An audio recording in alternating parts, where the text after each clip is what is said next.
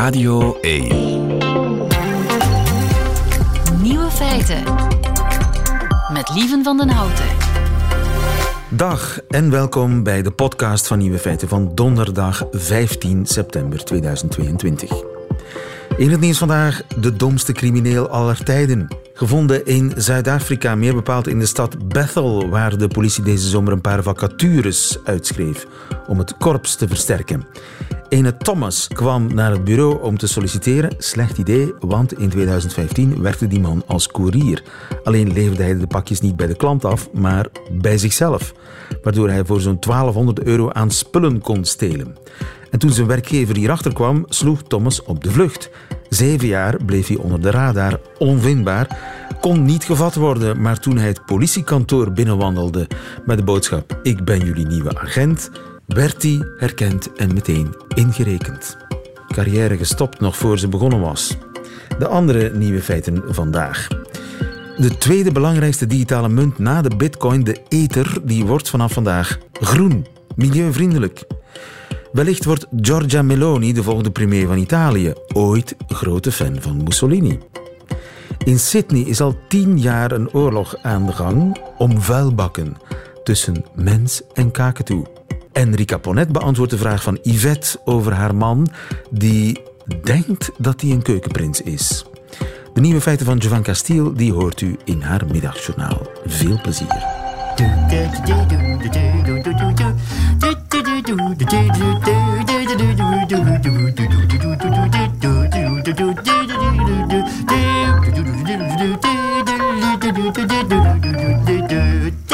Nieuwe feiten. Digitale munten zoals de bitcoin, die vreten stroom. Maar er komt vandaag misschien een einde aan.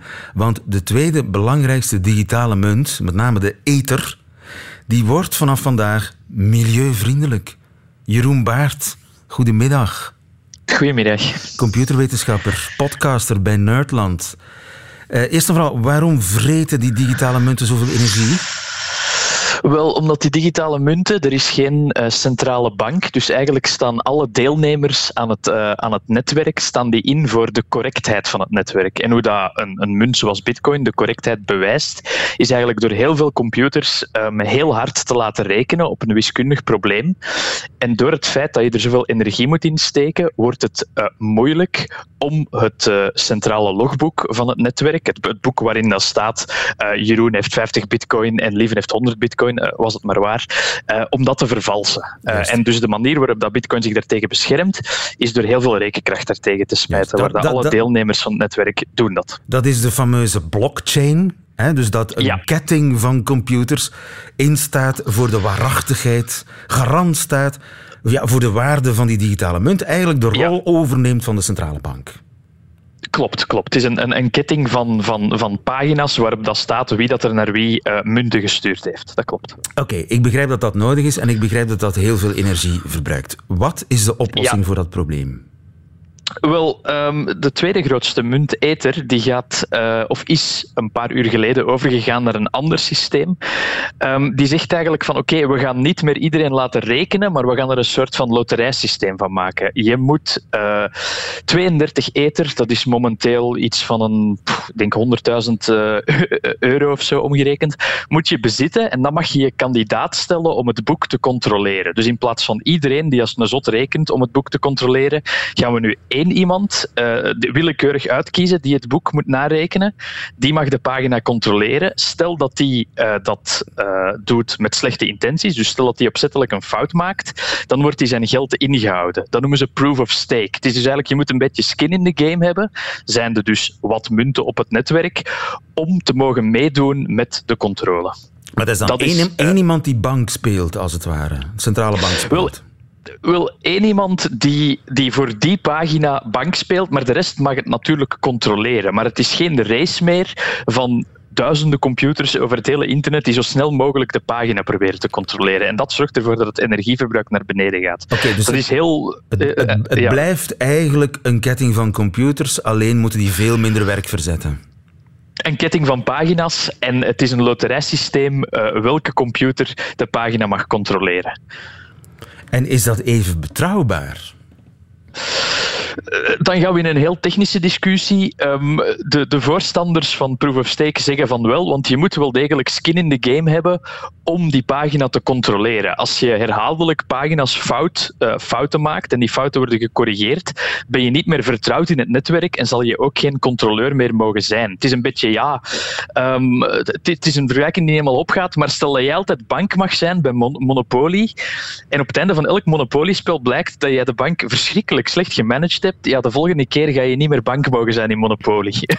dat, dus, uh, dat het, het, blijft, het blijft een systeem dat zichzelf controleert. Alleen is het nu een beetje slimmer. Ja. Absoluut, ja. Het blijft ook een gedecentraliseerd systeem. Er is niemand centraal die zegt: um, uh, dit is goed, dit is slecht. Het is een, een, consensus van een hoop computers die bereikt wordt, maar nu op een andere manier. Ja. En het is een paar uur bezig. Uh, zijn er al tekenen dat het werkt of niet werkt? Wel, het, het, het, werkt. Het is een proces dat natuurlijk traag overgaat van het oude systeem naar het nieuwe systeem, maar hier is jaren aan gewerkt. Dit is jaren getest. Het is eigenlijk voor de eindgebruikers, iemand die gewoon uh, koopt en verkoopt, is er eigenlijk geen merkbaar verschil. Um, dus, dus ja, eigenlijk hoe minder uh, golven dit maakt uh, op, de, de, ja, op de werking van het protocol, hoe beter. Dat betekent dat de, de aanpassing goed gelukt is. En dat betekent ook dat de andere digitale munten wellicht zullen volgen, zoals de bitcoin. Nee, er, Er, zijn een hele hoop er zijn een hele hoop filosofische discussies over van wat, de, wat het veiligste is, wat het eerlijkste is. Proof of work versus proof of stake. Bij proof of work moet je als deelnemer heel veel rekenkracht hebben. Bij proof of stake heb je best heel veel, heel veel uh, ja, uh, skin in the game, heel veel geld. Dus dat, dat is een hele technische filosofische discussie. Ik denk niet dat Bitcoin zo snel, zo snel gaat volgen, maar andere munten misschien wel. Wat dat effect is op de prijs van die munten. Het blijft natuurlijk allemaal speculatie. Hè. Uh, beursadvies gaat je van mij hier niet horen. Ehm, dus, dus ja, dat is helemaal niet zo zeker dat de rest van de munten zullen volgen.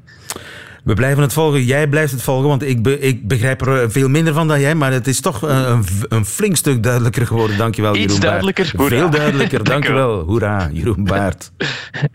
Goeiedag. Vraag het aan Rika.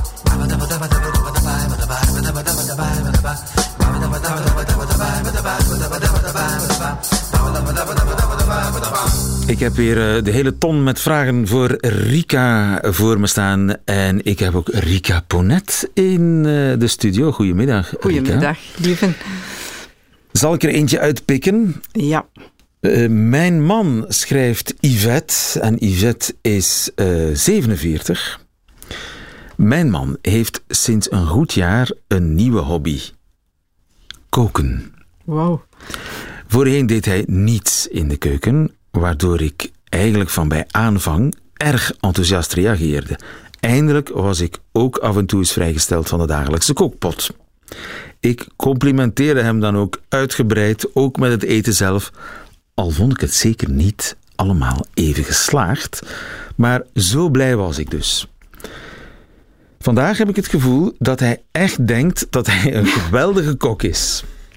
Daar talent voor heeft, waardoor hij de hele tijd wil koken. Ik laat hem doen, maar vind zijn eten vaak niet lekker. En kijk op tegen de maaltijden. Bovendien krijg ik nu nog zelden de kans om te koken, wat ik ook niet leuk vind. Ik ben blij met zijn inzet, maar hoe krijg ik het uitgelegd dat zijn kookkunsten maar zo-zo zijn? En bovendien dat ik vind dat hij nu ook niet alle dagen in de potten moet roeren. Schrijft Yvette. Yvette. Mooie kwestie, hè? Ja. Julien zullen we hem maar noemen. Die, die, die heeft een, zijn talent ontdekt. Ja, ja, en het is zo bijna een oldschool genderverhaal als ik het zo hoor. Hè. Uh, typisch, hè, als de man dan zoiets doet wat als een typische vrouwelijke, en dat heeft ze blijkbaar ook jaren gedaan, als een typisch vrouwelijke taak wordt gezien. Uh, dat er dan een soort van fanfare uitdrukt. Die, uh, ja. ja, ja, applaus. Ja, hè. Ja, die, hij heeft dus afgewassen. Wow, applaus. Ja, ja, valideren. Hè. Hij heeft dus een hemd gestreken. Ja, daar moet... Geschiedenis. Ja, daar moet uitgebreid bevestiging voor komen.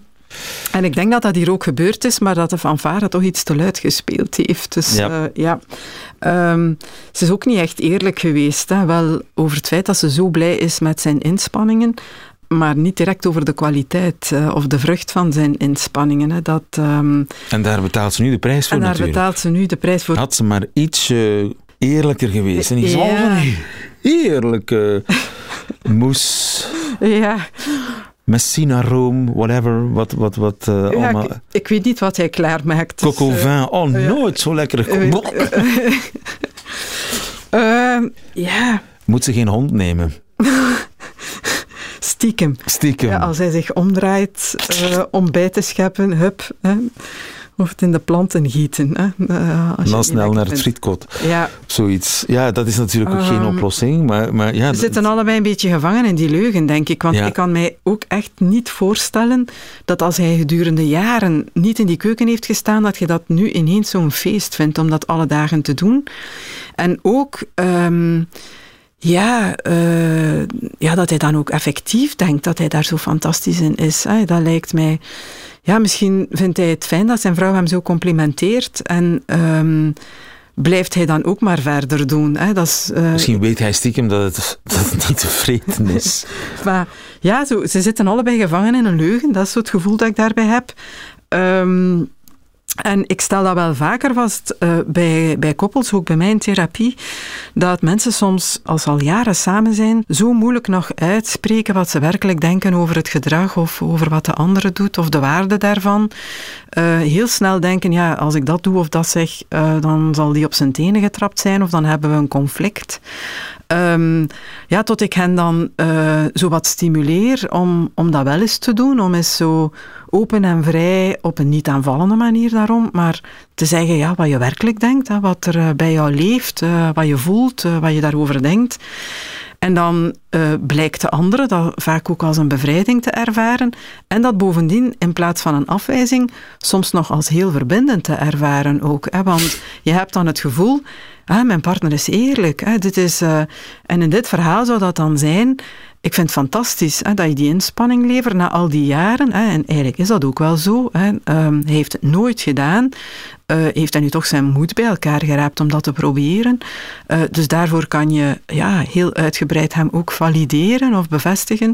Maar daarnaast ook aangeven, maar ja, ik kook ook wel nog eens graag. Ja, ja maar en, er zijn twee opties. Ofwel ga je voor de cold turkey, ga je gewoon zeggen, ik heb, sorry, ik heb eigenlijk al die tijd zitten liggen. Het is, het is, trekt op echt niets. Niet, op niets. Ja. Ofwel ga je heel langzaam uh, nou, zou je toch niet, zou je toch niet, of het is toch, deze ja. is niet zo lekker. Dat, dat, dat langzaam een bocht nemen. Ja, langzaam een bocht nemen of 180 graden Zeggen wat je, ik, ik hoop dat er af en toe iets is wat ze wel lust, dat hij klaarmaakt. Ja. En dat dan bevestigen, dat zou ze ook kunnen. Hè. Zeggen van, ja, dit en dit eet ik heel graag. Maar ja, als je dat klaarmaakt, heb ik het minder graag. Um, en... Uh, ook, ik kook ook zelf nog graag, dus uh, laat ons dat een beetje in een afwisselend tempo doen. Uh, of in een beurtrol. Of we kunnen samen koken, dan kan ze misschien ook wat invloed uitoefenen op de wijze waarop dat hij een gerecht Dus toch een beetje de zachte aanpak. Ik zou eerder wat voor de zachtere aanpak gaan. Maar toch wel duidelijk aangeven... Um, Weet je, uh, ik heb misschien wel wat overdreven met mijn Ja. complimenten. Ja, ik was zo ik was verrast. zo blij dat je dat deed. Maar ik vind niet alles even lekker, als ik eerlijk mag zijn. En dan eh, nog eens, ik merk echt, hij zal zich niet afgewezen Eerlijk voelen. en... Dat werkt. Ja, dat, uh, de andere voelt dan ook...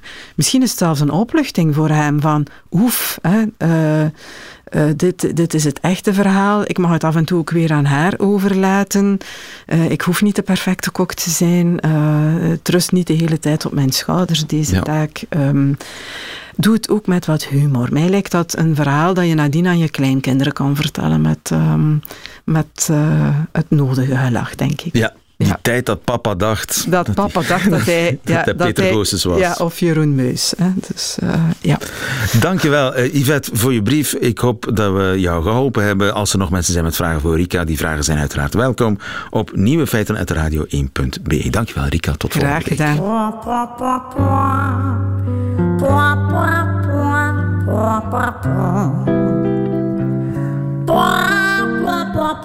gedaan.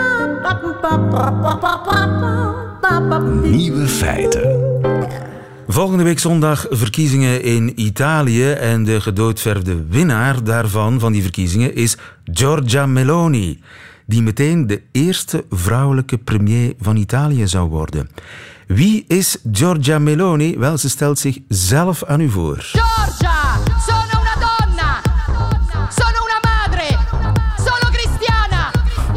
Moeder, christen en vrouw, schreeuwde ze zelf, Giorgia Meloni. Ine Rooks, goedemiddag.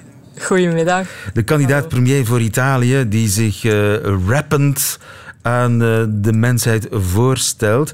Is zij fan van Mussolini? Want daarover, moet ik eerst even zeggen, zegt ze dit over Mussolini. Moi, je crois que, que Mussolini, c'était un, un bon politicien. C'est-à-dire que, que tout ce qu'il a fait, il a fait pour l'Italie. Alles wat Mussolini gedaan heeft, heeft hij voor Italië gedaan. Het is een goede politicus. Heeft ze ooit gezegd. Zou ze dat nog steeds zeggen? niet met zoveel woorden, denk ik. De uitspraak die je laat horen uh, heeft ze op haar negentiende gedaan. Intussen is uh, de dame 45. Gepokt en gemazeld in de Italiaanse politiek. Vooral de jeugdafdeling van inderdaad een, uh, een partij met flinke wortels in het fascisme. Dus ja, ze heeft dat ooit gezegd op haar negentiende. Vandaag past ze wel op, zeker met dat kandidaat premierschap dat, uh, dat binnen handbereik lijkt. Als we de peilingen mogen geloven, zou ze zoiets niet meer hardop herhalen. Maar er is verder wel veel dubbelzinnigheid, ambiguïteit in haar, uh, in haar uitspraak. Ja, ze heeft, als je wil, zoals wel meer radicaal rechtse partijen dat hebben, een dubbel discours. Enerzijds een gematigde uh, kant, een gematigde kant uh, op taalvlak zou ik dan willen zeggen. Dus als ze, als ze mensen toespreekt, vooral op dit moment zien we Giorgia Meloni naar het buitenland toe, naar de internationale gemeenschap, naar Europa, een gematigde, geruststellende toon hanteren. Maar als haar achterban toespreekt, dan uh, is het meer wat je in die, die disco- of rap-versie liet horen. Ja, overigens, die heeft ze niet zelf gemaakt. Nee. Uh, dat is een parodie geweest van een speech, maar dat heeft alleen maar in haar voordeel gewerkt, want dat hebben ze dan grijs gedraaid in de Italiaanse discotheken. Ja, maar met zoveel woorden afstand nemen van de voormalige dictator Benito Mussolini, dat doet ze niet.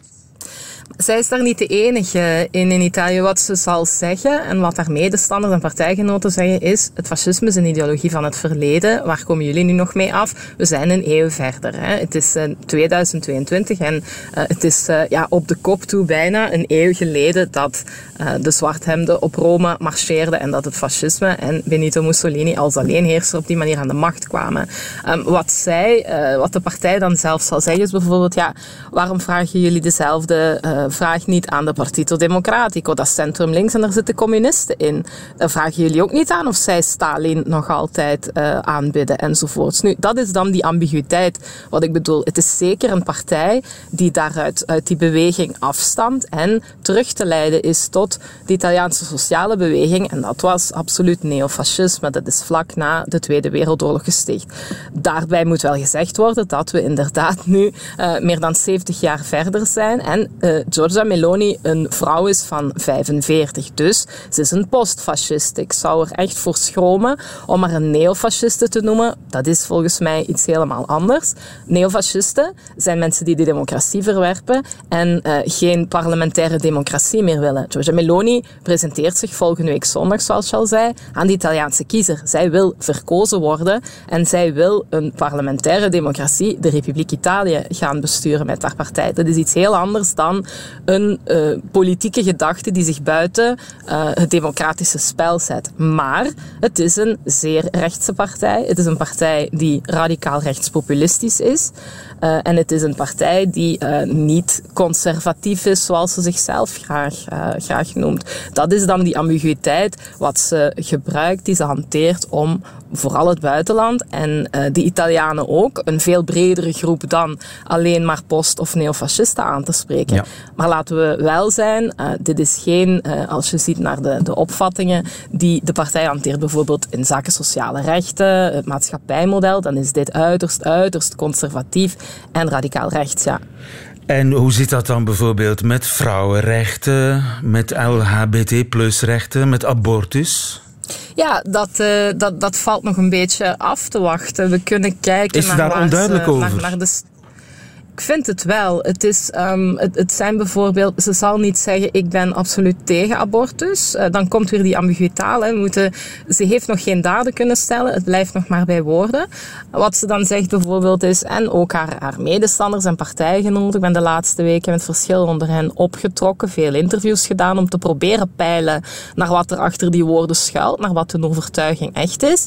Ze zullen dan zeggen bij Fratelli d'Italia, de partij van Giorgia Meloni, Broeders van Italië, Um, een heel patriotische slogan, hè, dat is de eerste zin van het Italiaanse volkslied, zullen dan zeggen, vrouwen of jonge meisjes worden tot abortus gedreven door bepaalde omstandigheden. Die omstandigheden moeten we aanpakken. Ja, eh, aan ons dan om te interpreteren, wat betekent dat dan? Willen ze het afschaffen of willen ze um, het moederschap makkelijker maken? Dat is die ambiguïteit. Willen ze jonge moeders ondersteunen en, en moeilijke economische omstandigheden verbeteren? Of zijn ze mordicus tegen abortus? Ja. Dat zeggen ze niet met zoveel woorden, maar daar hebben we het raden naar. Hetzelfde met LGTB. Um, ja, daar zijn ze wel duidelijk over. Uh, Italië heeft nog altijd geen homohuwelijk. Uh, dankzij Matteo Renzi, de centrum-linkse uh, voormalige premier, is er slechts een samenlevingscontract. Dus een unione civile heet dat hier, een burgerlijk contract dat, dat LGTB en ook mensen van en, en ook hetero-koppels kunnen afsluiten. Voordien was er alleen het huwelijk en niks anders. Maar een homohuwelijk mag niet genoemd worden in Italië. En homoadoptie, daar is dus adoptie eh, door homostellen of door lesbische koppels, daar is eh, Fratelli d'Italia in alle talen tegen. Dat burgerlijk huwelijk, zeg maar, uh, dat, uh, voor gaan ze dat afschaffen? Wat er dan wel mogelijk is? Dat gaan ze niet doen, maar ze gaan ook niet verder gaan dan dat. En bijvoorbeeld, ze zijn ideologische oorlogjes aan het voeren. Bijvoorbeeld nu het, het, het nieuwste verhaal is Peppa Pig. Dat is een varkentje als ik het goed heb, dat twee mama's heeft. Dat zit in de campagne. Dat vinden zij uh, ideologie. Dat vinden zij politiek. Dat vinden zij kinderen indoctrineren. Dus dat, dat zijn wel dingen die, ja, toch, toch, uh, toch als je zegt ik sta voor gelijke rechten en in democratie vind ik minderheden en meerderheden gelijkwaardig ik zou het voorlopig zo uh, samenvatten. We weten niet waar die woorden toe gaan leiden precies. Maar ja, kijk naar de Verenigde Staten. Um, enige bezorgdheid is wel terecht. En uh, voor al wie niet wit is, ergens anders vandaan komt migranten bedoel ik dan, of uh, van iemand anders houdt, beloven het mogelijk wel pittige tijden te worden in Italië. En gaat de klok mogelijk een deel worden teruggedraaid. Dit is een zeer oer-conservatieve partij die um, de traditionele familie, het huwelijk, uh, ook een vrij traditionele rol voor de vrouw, um, als, als ideaal maatschap, maatschappijbeeld ziet. Dus het is geen partij die uh, de rechten van LGBTQ gaat favoriseren. Dus het wordt nog moeilijker dan het in dit land al is. Het is al niet, niet zo tof. Is hij een beetje Orbán-achtig? Wel, eh, de grote bondgenoot van Orbán in dit land, want uh, ja, op radicaal rechts is het wel, wel druk in Italië, was eigenlijk Matteo Salvini. Um, maar Giorgia Meloni, die ken je nog wel van de Lega, de oude Lega Nord. Dat was ja, de vorige volksheld eigenlijk. Hè? Ja, de vorige volksheld. Het gaat snel. Um, die ja, het gaat snel. Uh, om de vier, vijf jaar is er een nieuwe It Boy of It Girl. En nu is het Giorgia Meloni. Um, ik dacht dat dus precies toen ik, uh, toen ik zondag naar haar ben gaan luisteren op uh, het Domplein in Milaan. Um, ja, ze, ze hebben dat er zo diep in zitten, die Italianen. Dat vurige aanmoedigen van de nieuwste politicus die hot is op het moment. Italianen winnen graag. Het heeft een hoog voetbalsupportersgehalte, de, de Italiaanse politiek. Zeker. En niet toevallig sinds Berlusconi Berlusconi begin jaren 90 in de politiek is gestapt met een partij die uh, een voetbalslogan uh, heeft. Hè. Forza Italia, dat betekent hup hup Italië. Dat is alsof je bij ons partij zou hebben Go Duivels Go. Um, dat is het nu weer, Fratelli d'Italia, Broeders van Italië. Dat nationalistische volksgevoel opzwepend. En eigenlijk supporteren ze voor partijen die niet, niet veel meer zijn dan de politicus van het moment. Um, alsof ze voor hun voetbalploeg supporteren en Italianen winnen graag. Meloni staat op kop in de, in de peilingen. En dat trekt veel mensen aan. Dus ik zou, zou voorzichtig zijn om te zeggen, ze staat nu op meer dan een kwart van de Italianen. Ah, dat zijn allemaal fascisten. Wel, dat zijn ook gewoon mensen die graag luisteren naar een leider een populistische leider die goed praat, het is goed kan zeggen. Niet iedereen, uh, hou je vast, kent al die partijprogrammapunten hoor, echt niet. Maar het is goed kan zeggen, klinkt ze nog altijd zo? No la violencia islamista! ¡Sia fronteras seguras! ¡No la inmigración masiva! ¡Sí al trabajo en nuestros ciudadanos! ¡No a las grandes finanzas internacionales! Poef, dat is toch echt een schreeuw lelijk. Eh, dat was pittig en dat is niet zo lang geleden. Uh, dus het eerste fragment dat jullie het horen, toen was ze 19, maar hier was ze 45 hoor. Dus dit is dit, als zo klinkt ze nog altijd me goed herinner. Wel, zo klinkt ze niet in Italië. Dat is dus wat ik aan het begin van ons gesprek zei. Dit, dit was op een congres van Vox in Spanje natuurlijk. Ja, en Vox is absoluut extreem rechts. Dat zijn funkisten, neofrankisten. Okay. Uh, daar is ze goede vrienden mee. Uh, ze zit, uh, dat, dat beschouwt ze als politieke bondgenoten. Zij noemen mensen van Fratelli d'Italia, van Broeders Italië, vinden Vox geen extreemrechtse partij. Ze vinden dat labels van de journalistiek. Maar dit deed ze in Marbella, in, in het Zuid-Spaanse Andalusië om haar medestanders van Vox aan te vuren. Um, dat wordt dan wat geminimaliseerd hier. Hè? Als je met uh, haar partijgenoten praat, dan zeggen ze, ach ja, dat, is, uh, dat was een campagne-speech enzovoort. Hoe ik haar in Milaan zondag heb gehoord, was gematigder. Haar speech zakte in het midden wat in zelfs, uh, als ze begon over de economische situatie en de crisis op de energiemarkt. Maar aan het einde um, was daar wat contestatie door, jonge, door linkse jongeren, die die begonnen dingen te roepen naar het podium. En toen werd ze echt nijdig. En dan kwam toch wel weer dat, dat, dat boze, um, dat weinig... Um, het is niet echt een, een, een charismatische spreker. Ze spreekt goed. Maar dat boze zit erin. Dat schreeuwerige was er zondag niet. Maar dat is dus, als ze dat uh, register wil opentrekken, dan is ze daar dus absoluut toe in staat. De dingen die ze zei klonken niet alleen radicaal, waren ook radicaal. Het gaat erover, over indoctrinatie, de LGTB-lobby, zegt ze. De ideologie van het geslacht. Ik had iemand uit haar partij die me zei, een medestander vanavond, eerste uur, die zei, in Italiaanse scholen worden kinderen gedwongen te kiezen of ze nou jonge meisje of ik zijn. Ja. Dat is onzin, dat gebeurt niet. Uh, wat wel gebeurt is dat uh, een, een, een, aantal mensen in Italië het gelukkig uh, goed, een goed idee vinden om te zeggen dat er allerlei soorten families bestaan en dat liefde liefde is. Zij maken daar een karikatuur van in die partij en zeggen dan, dit is een genderideologie, laat meisjes meisjes zijn en jongens jongens. We willen gelijke rechten, maar als ik dan de vraag stel, mag een homostel ook adopteren? Nee, dat niet. Waarom niet? Wel, we moeten kinderen, hou je vast, beschermen. Nee. Dat klinkt allemaal vrij radicaal rechts natuurlijk. Ja. Um, dat is dus wat ik zou zeggen wat um, op zich in, zaken, in zaken gelijkberechtiging, waarbij dit land het al moeilijk had. We hebben het nog niet eens over de positie van de vrouw gehad, maar vooral over, over LGTB, omdat ik daar ook uh, de hele tijd op terug blijf komen natuurlijk, omdat dat belangrijk is. Maar dat is meer verontrustend op sociaal vlak, denk ik, dan dat ze uh, ergens verre wortels in het fascisme heeft.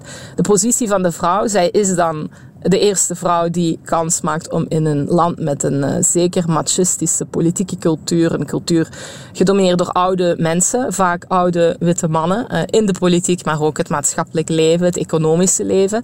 Zij maakt dan aanspraak om de eerste vrouw te worden aan de macht, maar zij uh, heeft heel patriarchale denkbeelden. Zij vindt ook gelijkberechtiging in haar eigen partij niet eens zo belangrijk. Dus het is niet omdat zij een, een, een vrouw is, dat zij dan ook de emancipatie van de Italiaanse vrouwen per definitie zo, zo sterk zal promoten. Dat, dat zullen we nog allemaal moeten gaan zien. Um, of dat wel uh, belangrijk voor haar zal zijn. Ja, welke daden er volgen op de woorden, dat zullen we moeten afwachten. En jij zit op de eerste rij, Ine Rooks in Italië voor ons. Dankjewel, goedemiddag. Graag gedaan.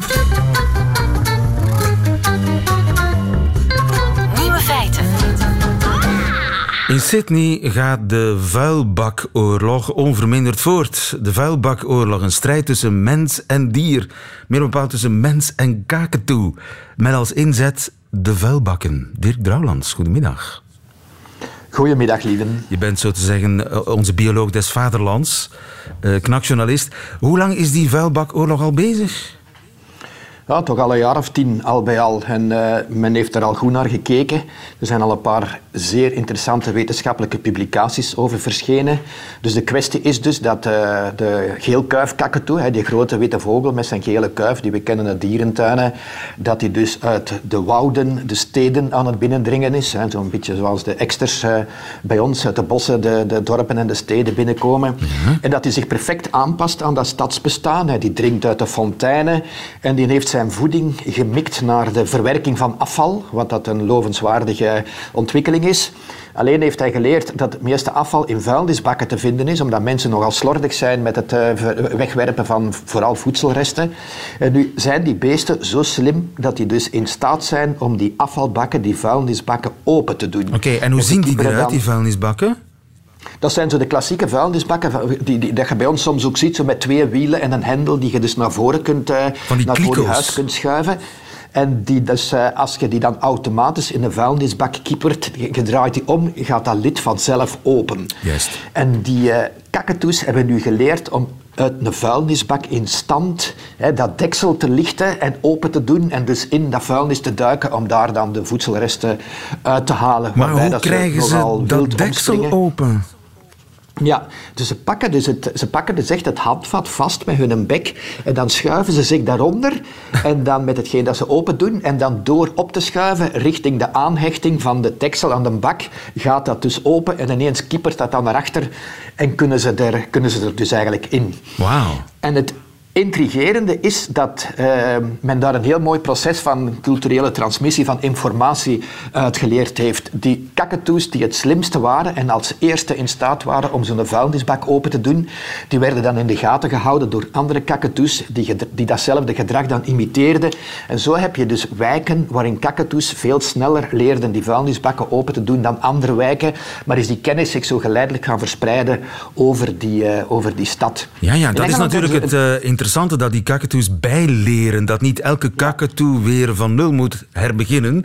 Er is een kennis die, die gedeeld wordt. Ja, in Engeland hebben ze een hele tijd geleden is iets vergelijkbaars waargenomen met pimpelmeesjes. Hè, die kleine blauwe meesjes die ook bij ons in de tuinen zitten. En ze hebben daar de gewoonte dat de melkboeren daar melkflessen voor de deur van de mensen zetten. En als die flessen afgedekt zijn met zo'n gewoon een zilveren schaaltje, die meisjes hadden op een gegeven moment geleerd dat ze door dat schaaltje konden prikken om aan die melk te geraken. En daar heeft men dus ook kunnen zien van dat andere mezen dat ook leerden hè, van de voorbeeldfunctie van de eerste mezen die die nieuwe innovatie ontwikkelden. En zo is het daar ook in een bepaalde regio heel snel verspreid geraakt tot de mens hè, het, het, het vond en dus ander type doppen heeft op die flessen gezet waar die mezen niet meer aankonden. Ja, en, dat is nu wat dat... Die vuilbakken, die kun je toch ook... Uh, je kunt dat deksel verzwaren op de een of andere manier, voilà. toch? Dat is hetgeen dat ze nu in Sydney ook zijn binnen, beginnen doen. En dus in een recente publicatie, die vorige week verschenen is, spreekt men van zo'n soort innovatie-wapenwetloop tussen de kakatoe en de mens. Okay. Want de mens begint dus eigen systemen te ontwikkelen om te vermijden dat die kakatoes dat deksel zo gemakkelijk open krijgen. En toch slagen die kakatoes erin om dat systematisch te omzeilen. En uh, zo hebben ze dus uh, uilen en, uh, valse uilen en slangen op die bakken gezet om die beesten af te schrikken, maar die hebben de kortste keer hebben die door dat dat geen gevaar is. Als ze daar stenen op leggen om dat deksel te verzwaren, hebben ze geleerd die stenen daar af te kieperen. Er zijn mensen die een deurmat, een vloermat over, over die deksel hingen. Daar kunnen ze ook onder. Zelfs koortjes om een klein beetje dat deksel vast te hangen, die kunnen ze eraf halen. En het grappige aan heel dat verhaal is dat zowel de mens als de kakatoe een soort uh, leerproces doormaakt, omdat mensen in een bepaalde wijk elkaar gaan kopiëren als ze zien dat iets efficiënt is. Hè. Bijvoorbeeld die deurmatten zijn op een gegeven moment efficiënt geweest, omdat het tenminste tijdelijk verhinderde dat die kakatoes die vuilnisbak open kregen. Maar die kakatoes daar leren dan ook weer om die vloermatten, die deurmatten te omzeilen. Dus je hebt zo eigenlijk een continu proces van wijk per wijk, dat eerst mensen proberen slim te zijn en dat de kakatoes vervolgens proberen die slimmigheid, die innovaties te doorbreken. Ja. En dat werkt. En het is nog niet opgelost. Die wapenwetloop die gaat voorlopig door. Ja, het is, het is, het is grappig, want er zijn toch dieren die dat dus kunnen. In Canada bijvoorbeeld hebben ze ooit 30 miljoen dollar geïnvesteerd in het creëren van een vuilnisbak die wasbeerbestendig was. Hè. Wasbeer, dat zijn die grappige beestjes met een masker en hun, en hun pootjes, die zo, zo, zo heel menselijke dingen met hun pootjes kunnen doen. En dat werd dan gepresenteerd als een wonder van ergonomisch design, omdat ze zo'n heel speciaal sluitstuk hadden, hadden voorzien. Alleen hadden ze er geen rekening mee gehouden dat door het eenvoudig omkieperen van die vuilnisbak dat systeem niet meer werkte. En die wasberen hebben dat op een week tijd doorgekregen. Dus 30 miljoen dollar research werd op een week tijd door die beesten Wauw, respect. Absoluut respect. En een heel intrigerend, recent ander verhaal dat ook gekoppeld is aan, aan uh, papegaaijachtigen. Dus kakatoe behoort aan papegaaijachtigen. De hersenen van papegaaijachtigen zijn gemiddeld 10 tot 20 gram. Men veronderstelt dat die dezelfde capaciteiten hebben van de, dan de hersenen van chimpansees, die 400 tot 500 gram eh, zwaar zijn. Dus het is een heel groot verschil in volume en toch vergelijkbare capaciteiten. En nu heeft men recent ontdekt dat papegaaien niet alleen een veel dichter netwerk van hersencellen hebben dan wij, dan, de, dan uh, aapachtigen, zoals wij erin zijn, maar dat die cellen ook maar een derde van de energie nodig hebben hmm. om te kunnen functioneren dan onze hersencellen. Klein brein, maar een superbrein. Het is echt een energetisch, fantastisch goed uitgebouwd brein. Wat dat dus maakt dat wij dus uh, met onze grote hersenen in competitie zitten met dieren als kakatoes die met veel kleinere hersenen onze innovaties systematisch kunnen counteren. Ja, Ik vind dat fantastisch. Die oorlog is nog lang niet afgelopen en nog lang niet gewonnen tegen de kakatoe in uh, Sydney. Dirk Drouwlands, dankjewel. Goedemiddag. Goedemiddag, lieven. Graag gedaan. En dat waren ze meteen de nieuwe feiten van vandaag, donderdag 15 september 2022. Alleen nog die van de Vlaams-Amerikaanse comedienne Giovanka Stiel hoort u nu in haar middagjournaal. Nieuwe feiten. Middagjournaal. Goedemiddag. Het is niet gemakkelijk om mensen echt te leren kennen in Vlaanderen. En ik denk dat het nog moeilijker is voor ons, Amerikanen, want wij hebben al onze sociale vaardigheden van films en televisie geleerd. In Amerika leer je mensen heel snel kennen, zoals in de eerste twee minuten van een sitcom. Hallo, what's your name? Wil je een koffie gaan drinken? Nu zijn we beste vrienden. Ik hou van jou. In Vlaanderen is het een beetje anders. Er zijn voor buitenlanders strikte regels die je moet volgen als je een Vlaming wil leren kennen. Als je iemand leert kennen omdat ze op dezelfde plaats werken of in dezelfde yogales zitten, of omdat je hun leven hebt gered tijdens een skivakantie, moet je wachten tot je ze toevallig op straat tegenkomt en dan mag je vriendelijk, niet te vriendelijk, naar elkaar knikken. Na een tijdje mag je goeiedag zeggen en daarna, na ongeveer 30 jaar, is het mogelijk dat jullie samen iets gaan drinken. Maar pas op, want als je de verkeerde dingen zegt, moet je helemaal opnieuw beginnen.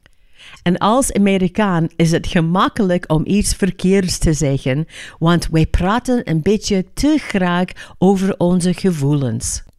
Hallo, het is mooi weer vandaag. Het doet mij denken aan toen ik klein was en met de fiets leerde rijden. Hoe was jouw kindertijd? Op dat moment is de Vlaming met wie je sprak al ver weggelopen, want je bent te ver gegaan. Als je wilt over het weer spreken, spreek dan over het weer. Alleen over het weer. Maar goed, ik zit dus vast tussen twee culturen.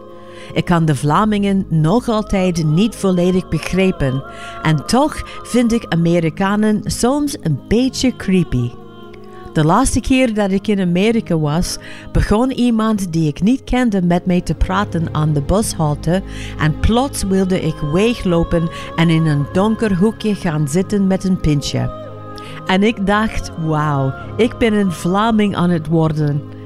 Het zal tof zijn om mijn verhaal aan een Vlaming te vertellen. Binnen een jaar of dertig moet dat zeker lukken.